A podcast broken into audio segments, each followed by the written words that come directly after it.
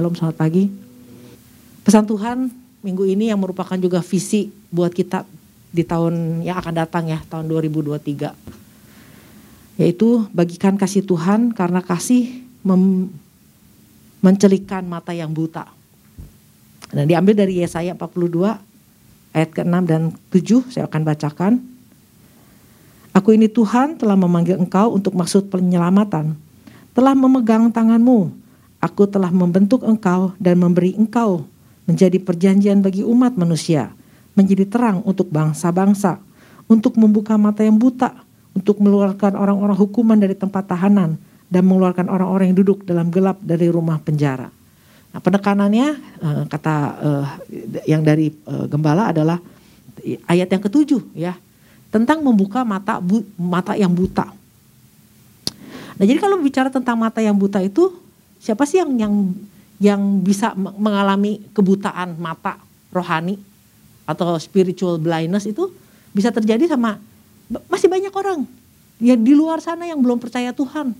Kenapa mereka sulit untuk menerima Injil kerajaan Allah? Kenapa mereka tidak bisa melihat uh, Yesus sebagai penyelamat? Ya karena mereka buta matanya.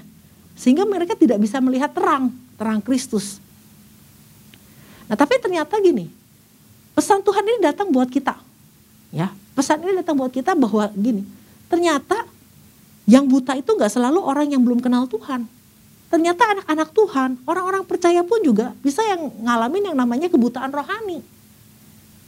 Nah, ketika anak-anak Tuhan yang udah sering ibadah, yang udah ikut Tuhan, mengalami kebutaan rohani, ini yang dikatakan masalah besar. Problem besar ini. Kalau anak-anak Tuhan udah ikut Tuhan sampai hari ini masih mengalami kebutaan rohani. Artinya gini, mereka datang ke gereja, mereka dengar kebenaran firman Tuhan, mereka dengar, mereka tahu ada visi Tuhan, mereka lihat ada kuasa karya Roh Kudus bekerja secara luar biasa, ada mujizat terjadi, ada perkara-perkara, ada terang yang begitu terang benderang di dalam gereja. Tapi mereka nggak bisa lihat itu sebagai sesuatu yang, waduh, saya harus, saya harus ngalamin itu. Nggak ada tuh. Nah orang yang yang rasanya ya biasa aja, ya visi ya visi, ya oke. Okay. Visi cuma sebagai sebuah kalimat yang mem, mem, apa, me, me, menguatkan dan uh, tentang pekerjaan Tuhan, tentang hal-hal yang yang lain-lain ya oke okay lah, nggak terlalu penting juga gitu. Nah makanya dikatakan ini buat buat Tuhan kenapa Tuhan ingatkan buat kita orang-orang percaya tentang spiritual blindness ini? Karena bagaimana orang-orang yang ternyata punya dampak gitu berdampak dampaknya gini. Tuhan kan pernah bilang bahwa bagaimana orang buta nuntut orang buta. Dua-duanya pasti jatuh ke dalam lubang. Jadi artinya orang buta yang nuntut orang buta pasti jatuh ke dalam lubang. Nah kalau kitanya buta kalau orang Kristen aja buta, bagaimana bisa membawa orang buta? Dua-duanya, bukan satu orang, dua-duanya akan masuk lubang. Firman Tuhan juga mengatakan gini, ada orang yang menganggap, oh ini jalan lurus. Karena kadang orang buta kan gak tahu jalan. Oh ini jalannya lurus. Dia gak tahu di depan sana, ternyata ada lubang. Ya, artinya ada kebinasaan, gak tahu. Artinya kenapa Tuhan ingatkan kita orang percaya, jangan sampai kini, kita udah bertahun-tahun jadi anak Tuhan, jadi orang Kristen, tapi tetap buta sampai gak, sampai akhirnya ujungnya maut. Makanya di, diingatkan untuk itu. Nah, jadi kita juga mesti paham dulu apa sih sebenarnya spiritual blindness, apa sih sebetulnya e, kebutaan rohani. Nah, apa bedanya sama orang yang lemah rohani? Spir, e, yang yang buta rohani sama yang e, lemah rohani sama nggak? Beda. Yang yang lemah rohani gini, orang yang artinya tadinya dia kuat, tadinya dia bergairah, tadinya dia betul-betul bisa tangkap rencana Tuhan, ada kehendak Tuhan. Tapi kadang-kadang ada di dalam satu titik ya, terutama waktu kemarin pandemi, ibadah kagak bisa. Kadang-kadang kesibukan-kesibukan di rumah, ada uh, ada ada masalah-masalah yang harus dihadapi sampai akhirnya kadang-kadang baca Alkitab berkurang, doa berkurang. Orang-orang bisa jadi lemah rohani. Kadang-kadang perlu kita sadari bahwa nggak tahu ya kalau saya sendiri ibadah online itu sebetulnya nggak terlalu membangun roh saya gitu loh. Orang bilang ya ibadah online atau nonton ibadah online. Buat saya mau beda tipis. Kadang-kadang memang sebenarnya lebih ke nonton ibadah online. Jadi artinya begitu dengar gereja buka, bisa ibadah lagi, tatap muka. Ini saya bergairah. Dan banyak orang yang bergairah, wah luar biasa. Artinya dia tahu kebutuhan untuk bisa bangkit kembali, kebutuhan untuk membangun kerohanian. Mereka tahu harus datang sama Tuhan untuk mengejar Tuhan. Nah kadang-kadang udah gairah itu dibangkitkan di gereja lalu pulang membawa sebuah kegairahan yang baru, baca Alkitab lagi, doa lagi. Nah ini yang yang Tuhan Ya, ini yang, yang terjadi dengan orang-orang yang tadinya lemah dan Tuhan kan bilang yang letih lesu berbeban berat. Artinya ada nggak orang yang letih lesu berbeban pasti ada. Orang percaya bisa letih lesu berbeban berat. Makanya Tuhan bilang datang kepadaku. Aku akan memberikan kekuatan aku akan menyegarkan kamu kembali. Nah, kalau orang-orang yang letih lesu berbeban berat ini datang meresponi panggilan Tuhan mereka bisa kuat kembali. Berjalan lagi gairah lagi dengar visi Tuhan. Nah, orang-orang yang kadang-kadang uh, bergairah dengan dengan hal perkara-perkara di atas perkara-perkaranya Tuhan, walaupun nggak bisa ibadah, waktu kemarin ini ya di kita uh, hampir dua tahun nggak bisa ibadah, tetap mau dengar khotbah, walaupun cuma dengar uh, lihat dari uh, YouTube, tapi ada gairah itu untuk, waduh, saya butuh ini Artinya orang-orang ini adalah orang-orang jujur, orang-orang yang memang tahu bahwa tanpa Tuhan itu kekuatan dia akan berkurang. Nah beda sama orang-orang yang yang buta rohani. Orang yang orang-orang anak orang-orang percaya yang buta rohani itu dia nggak ngerasa dia lemah. Problemnya gitu. Karena kenapa dia mau mau ada pandemi kayak mau ada apa nggak pernah ngerasa lemah. Karena memang tidak pernah merasa bergairah. Karena memang dari awalnya dia nggak pernah merasa menggebu-gebu di dalam Tuhan. Jadi ya ceper gitu. Lempeng aja gitu. Buat dia itu kalau sampai terjadi gejolak di dalam hidup dia itu kalau ada masalah keuangannya berkurang. Baru cari pendeta. Nah ini yang namanya orang-orang yang hidupnya ikut Tuhan ya udah visi mah visi nggak peduli nggak mau tahu juga Ayo datang pengurapan roh kudus. Ah gak usah diurapin juga bisa kan. Ayo kita dengar firman Tuhan. Ini ada pekerjaan Tuhan. Ada hal-hal yang gini-gini. Perkara-perkara yang di atas. Perkara-perkara Tuhan. Rencana Tuhan. Hal yang Tuhan mau lakukan. Ya udah sok aja duluan lah. Sama ikut aja. Tapi gak ikut.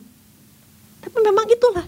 Gak, gak tertarik nggak tertarik dengan perkara-perkara di atas, nggak tertarik dengan perkara-perkara rohani. Artinya ikut Tuhan bertahun-tahun, dia buta rohani dan merasa aku baik-baik aja, nggak ada masalah dengan aku. Masalahnya cuma kalau ada keuangannya terganggu. Nah ini yang kita, saya mau ngajak kita baca di Lukas 18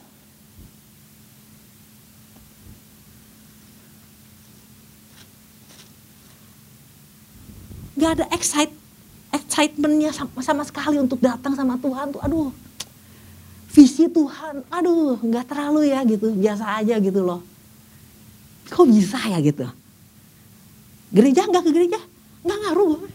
Gue mah nyantai aja kali ya.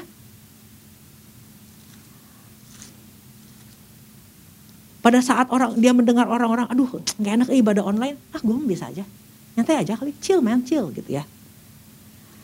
Nah, Lukas 18 ini satu perumpamaan yang Tuhan Yesus bilang sama murid-muridnya tentang uh, kondisi tentang orang orang Farisi. Ya. Orang Farisi adalah orang yang gini. Dia dia tahu sedikit tentang firman, tapi sebenarnya dia tahu cuman tahu tapi dia nggak ngerti. Tapi dia merasa baik-baik aja. Dia merasa dia rohani banget. Ya. Kita lihat di dalam uh, uh, saya bacakan. Lukas 18 ayat yang ke-9. Dan kepada beberapa orang yang menganggap dirinya benar, ya, dan memandang rendah semua orang lain, Yesus mengatakan perumpamaan ini. Ada dua orang, ada dua orang pergi ke bait Allah untuk berdoa. Yang seorang adalah Farisi dan yang lain pemungut cukai. Orang Farisi itu berdiri dan berdoa dalam hatinya begini, Ya Allah, aku mengucap syukur kepadamu karena aku tidak sama seperti orang lain. Bukan perampok, bukan orang lalim, bukan pejinah, bukan juga orang seperti pemungut cukai. Ini, nih. Aku berpuasa dua kali seminggu. Aku memberikan sepersepuluh dari segala penghasilanku. Ini orang Farisi. Nggak merasa merasa udah benar aja gitu. Kenapa? Karena dia berdoa. Lalu dia mengucap syukur. Nah ini kan yang kadang-kadang nggak ada orang-orang merasa bahwa gue gue cukup rohani karena gue masih berdoa. Dia mengucap syukur dan dia bilang bahwa aku mah eh, nggak uh, berzina loh. Aku tuh eh, nggak uh, merampok loh. Aku masih berpuasa dua kali seminggu. Aku juga memberikan persepuluhan loh. Jadi aku ini orang yang nggak baik-baik aja, orang yang rohani. Nah dia nggak tahu, dia pikir hanya dengan uh, apa nggak merampok, nggak nggak berjinah, dia udah kudus banget. Dia cuma fokus dengan apa yang dia udah lakukan, yang dia tidak lakukan. Misalnya dia nggak berjinah, dia nggak merampok, dia cuma fokusnya sama dia. Nggak fokus, dia nggak tahu lagi bahwa ketetapan Tuhan, kehendak Tuhan itu lebih dari cuma sekedar merampok dan berzina. Dan menganggap bahwa kalau udah persepuluhan udah top banget deh.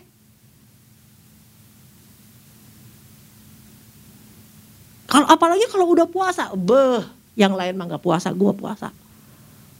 Ngerasa udah top banget. Dia nggak tahu bahwa Tuhan bukan cuma sekedar berjinah dan berpuasa kehendak Tuhan banyak. Hukum-hukum Tuhan juga dia nggak kenal, nggak tahu. Yang lainnya seperti apa, tapi merasa udah udah top karena udah pakai jubah, udah berdoa. Kadang-kadang standar ini dipegang sama orang, orang-orang percaya dia udah udah udah benar banget. Dia nggak tahu tentang visi Tuhan seperti apa, rencana Tuhan seperti apa kekudusan itu yang Tuhan mau seperti apa? Menjadi serupa dengan Kristus itu seperti apa?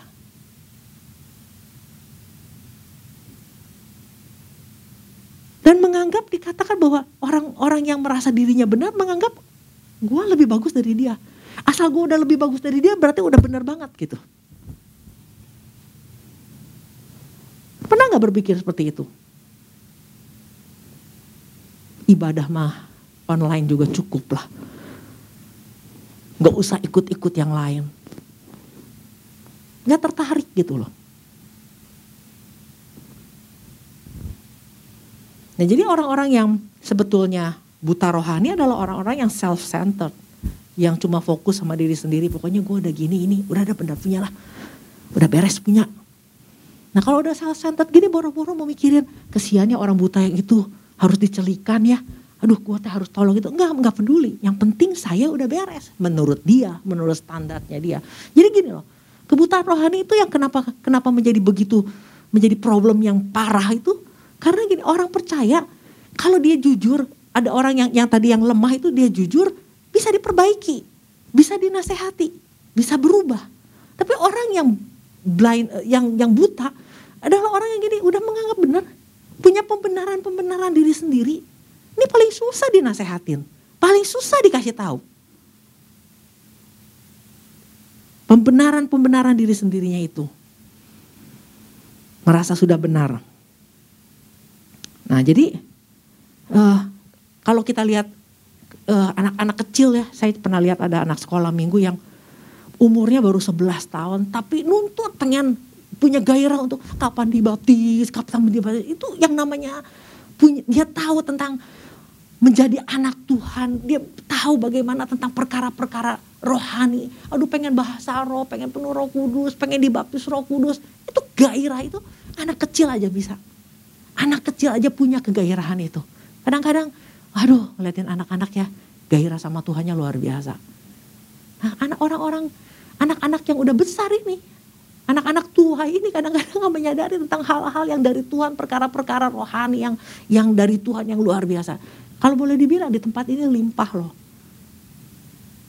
Dan sangat sedih ya kalau misalnya komsel udah dimulai hari Rabu, udah dibaca belum visi Tuhan eh, apa pesan Tuhan minggu ini? Aduh belum sempat, belum sempat.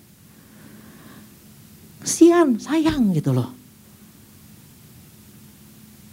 Nggak terlalu bergairah dengan visi Tuhan. Jangankan datang.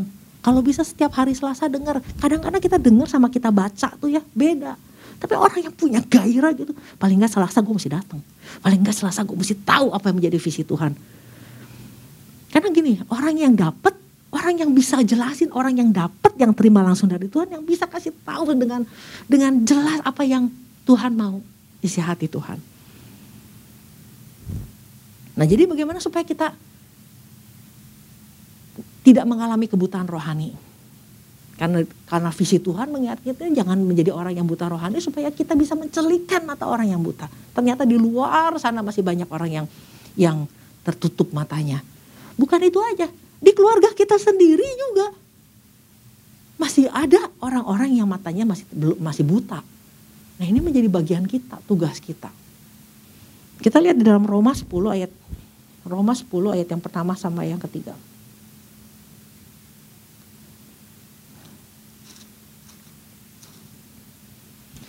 Saudara-saudara, keinginan hatiku dan doaku kepada Tuhan ialah supaya mereka diselamatkan. Sebab aku dapat memberi kesaksian tentang mereka bahwa mereka sungguh-sungguh giat untuk Allah, tetapi tanpa pengertian yang benar. Sebab oleh karena mereka tidak mengenal kebenaran Allah dan oleh karena mereka berusaha untuk mendirikan kebenaran mereka sendiri, mereka maka mereka tidak takluk kepada kebenaran Allah. Nah ini adalah ciri-ciri orang yang sebenarnya buta rohani kayak gini. Nah jadi supaya kita nggak buta rohani, caranya benar. Yang pertama adalah harus paham dulu tujuan Tuhan menyelamatkan kita, yaitu untuk keselamatan kita, untuk ke, untuk keselamatan. Ya di sini dikatakan Tuhan ialah kepada Tuhan ialah keinginan hatiku dan doaku kepada Tuhan ialah supaya mereka diselamatkan.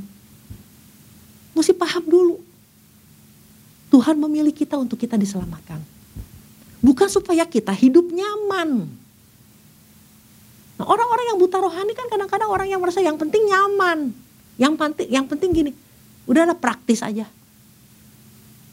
Enggak Tuhan ingin kita semua diselamatkan. Nah untuk itu kenapa Tuhan begitu ingin kita diselamatkan betul-betul sampai akhirnya kita diselamatkan.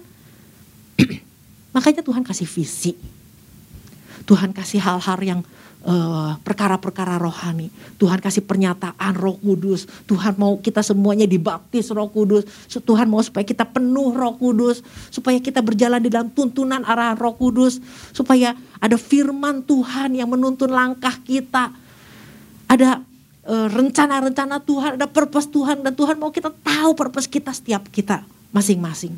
Supaya apa? Tujuannya cuma satu, bukan supaya nyaman. Supaya kita diselamatkan. Hari ini kita belum tahu kita selamat apa enggak kan? Karena kita aja bisa aja kita buang keselamatan kita di tengah jalan. Nah kalau orang-orang yang buta rohani dia nggak tahu tentang keselamatan itu. Dia dia cuma tahunya bahwa ikut Tuhan tuh kudu nyaman aja. Makanya mau mau ibadah online kayak nggak jadi masalah. Yang penting nyaman.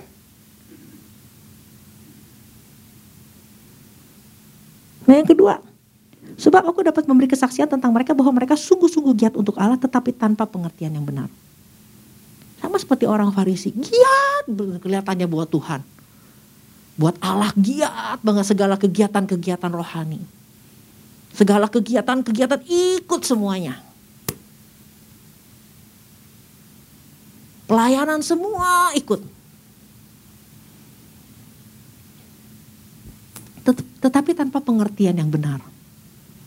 Tapi nggak ngerti apa-apa tujuannya. Nah, pengertian yang benar itu dalam bahasa artinya itu epi epignosis, ya, epignosis itu artinya gini, pengetahuan yang benar itu kita nggak bisa cuma sekedar tahu satu jadi gini begitu kita dengar ada orang yang khotbah ada ayat yang ih bagus banget nih ayatnya nih wah bagus banget gitu cuman nangkep begitu doang nah tapi Tuhan mau bukan cuman itu. Punya pengertian yang benar. Artinya gini sok cari tahu lebih lagi. Harus firman Tuhan itu harus kita harus kenal itu secara tepat precise. Harus punya kemampuan untuk ini mencerna, menangkap, memahami. The, uh, apa maksud yang sebenarnya yang uh, dari kebenaran yang spiritual ini. Maksud sebenarnya, maksud yang dalam dari firman Tuhan. Nggak cuma, jadi artinya nggak bisa cuma sekedar baca. Nah orang yang dia pikir gini kalau udah barang siapa yang mengetahui kebenaran-kebenaran akan memerdekakan enggak cuma baca doang enggak akan merdeka merdeka mungkin di permukaan doang tapi kita ini kan banyak hal yang dulunya hal-hal yang masih mengikat kita dan kita perlu dibebaskan dan itu perlu sebuah terus menerus kita merenungkan firman Tuhan sampai kita oh aduh iya ini belum. Waduh ini saya baru mengerti sekarang. Jadi Tuhan mau kita betul-betul mengetahui maksudnya Tuhan. Jadi benar-benar harus punya waktu untuk bisa menangkap, mencerna, memahami dengan tepat yang Tuhan mau melalui firman-Nya. Nah jadi nggak bisa tuh yang namanya kita ya udah yang penting mah tahulah firman lihat di concordance. Soal kasih cari kasih sambung-sambungin. Wah ini jadi nih misalnya mau khotbah nih. Wah jadilah sesuatu gitu. Jadilah bahan khotbah. Orang pinter semua juga bisa. Bahkan orang bodoh juga kalau suruh khotbah mau bisa. Tapi yang Tuhan mau udah nangkep nggak maksudnya nah makanya kalau kita lihat di dalam satu Korintus satu Korintus e, dua kenapa kita harus penuh Roh Kudus Kenapa kita harus ada di dalam pengurapan Roh Kudus? Waktu kita baca Alkitab 1 Korintus 2 ayat yang ke-10. Karena kepada kita Allah telah menyatakan menyatakannya oleh roh. Sebab roh menyelidiki segala sesuatu bahkan hal-hal yang tersembunyi dalam diri Allah. Siapa gerangan di antara manusia yang tahu apa yang terdapat, di dalam diri manusia selain roh manusia sendiri yang ada di dalam dia. Demikian pula lah tidak ada orang yang tahu apa yang terdapat di dalam diri Allah selain roh Allah. Jadi kalau kita baca Alkitab kita perlu tuh roh kudus tuntun kita. Cuma karena roh kudus yang ngerti maksudnya. Dan roh kudus yang akan kasih tahu maksudnya. Buat kita. Nggak bisa sekedar comot-comot ternyata. Demikian pula tidak ada orang yang tahu apa yang terdapat di dalam diri Allah selain roh Allah. Nah kadang-kadang untuk dibaptis roh kudus, orang gak terlalu gairah hari-hari ini ya. Nah kalau kita dengar kisahnya Pak, Pak Ishak. Dia kejar untuk apa? Untuk baptisan roh kudus. Kadang-kadang orang suka membenarkan diri bahwa dan roh kudus pun udah ada dalam kita. Betul, roh kudus ada. Tapi Tuhan kan bilang haruslah kamu penuh. Nah kepenuhan inilah yang akan membuat kita punya jalur khusus sama Tuhan. Akhirnya kita bisa mengerti tentang banyak hal. Dan bagaimana Tuhan akan memberikan karunia-karunianya. Waktu kita penuh roh kudus, baptisan roh kudus membuat kita punya jalur khusus sama Tuhan. Jangan membenarkan bahwa nggak perlu. Karena Tuhan juga bilang, haruslah kamu penuh dengan roh kudus. Dan bagaimana seorang uh, apa uh, Petrus menjadi berubah? Dari mana? Dia berubah karena dia penuh Roh Kudus. Nah jadi kalau orang jadi gini loh, kita pernah dengar kisah tentang dua murid yang lagi jalan ke Emmaus. Dia, dia merasa bahwa Yesus itu sebenarnya harusnya menyelamatkan bangsa Israel dari penjajahan. Dia nggak ngerti, nggak paham. Nah, mereka sampai akhirnya mereka ketemu Yesus dalam perjalanan, mereka tetap buta. Mereka nggak bisa lihat itu Yesus. Mereka kenalin itu Yesus. Sampai akhirnya Yesus tinggal di, dengan mereka, jalan bersama dengan mereka. Sampai akhirnya Yesus harus menerangin dari kitab Musa sampai kitab nabi-nabi diterangin semuanya, semuanya. Sampai akhirnya dia baru sadar. Terbukalah, tercelik matanya bahwa itu Yesus. Sama kita juga. Kebenaran firman Tuhan. Kita mesti tinggal bersama karena ini firman Tuhan adalah Yesus sendiri. Kita mesti uh, tinggal di dalamnya dan dikatakan harus baca dari kitab perjanjian lama sampai kitab wahyu. Untuk memahami itu nggak semudah kita. Kayaknya orang kan kadang-kadang gampang banget sih ikut Tuhan gitu loh. Nggak sesulit yang dibayangkan. Ternyata kalau kita biasa-biasa aja untuk perkara-perkara rohani perkara-perkara firman Tuhan ternyata kita bisa menjadi orang-orang yang nggak nangkap apa-apa.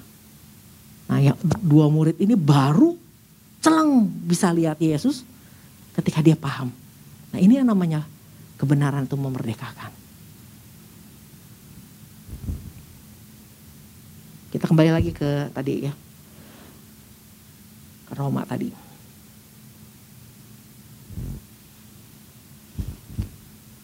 Mereka sungguh giat untuk Allah. Bagus giat untuk Allah. Tetapi harus dengan pengertian yang benar. Ayat yang ketiga, sebab oleh karena mereka tidak mengenal kebenaran Allah. Mereka tidak mengenal kebenaran Allah. Keben, uh, mengenal kebenaran Allah itu artinya agnoeo, ya. Artinya mereka nggak peduli, ignorant. Giat sih sama, sama hal-hal uh, giat di dalam pekerjaan Tuhan, tapi mereka ignorant sama kebenaran. Ya, itu kalau di dalam bahasa aslinya uh, kebenaran itu gini, mereka itu bicara tentang integritas. Mereka nggak nggak nggak nggak paham tentang integritas, nggak mau tahu tentang kekudusan hidup. Mereka juga nggak tahu tentang kebenaran, tentang kondisi yang bisa diterima sama Tuhan itu seperti apa, tentang keadilan, tentang uh, kesempurnaan moral yang dari Tuhan. Nah itu yang sebenarnya Tuhan lagi mau ajarin kita tentang koreksi. Tuhan mau koreksi hidup kita. Ini sebenarnya kebenaran-kebenaran ini yang Tuhan mau ajar kita. Nah ini kan yang semua ini yang tadi orang Farisi itu nggak punya.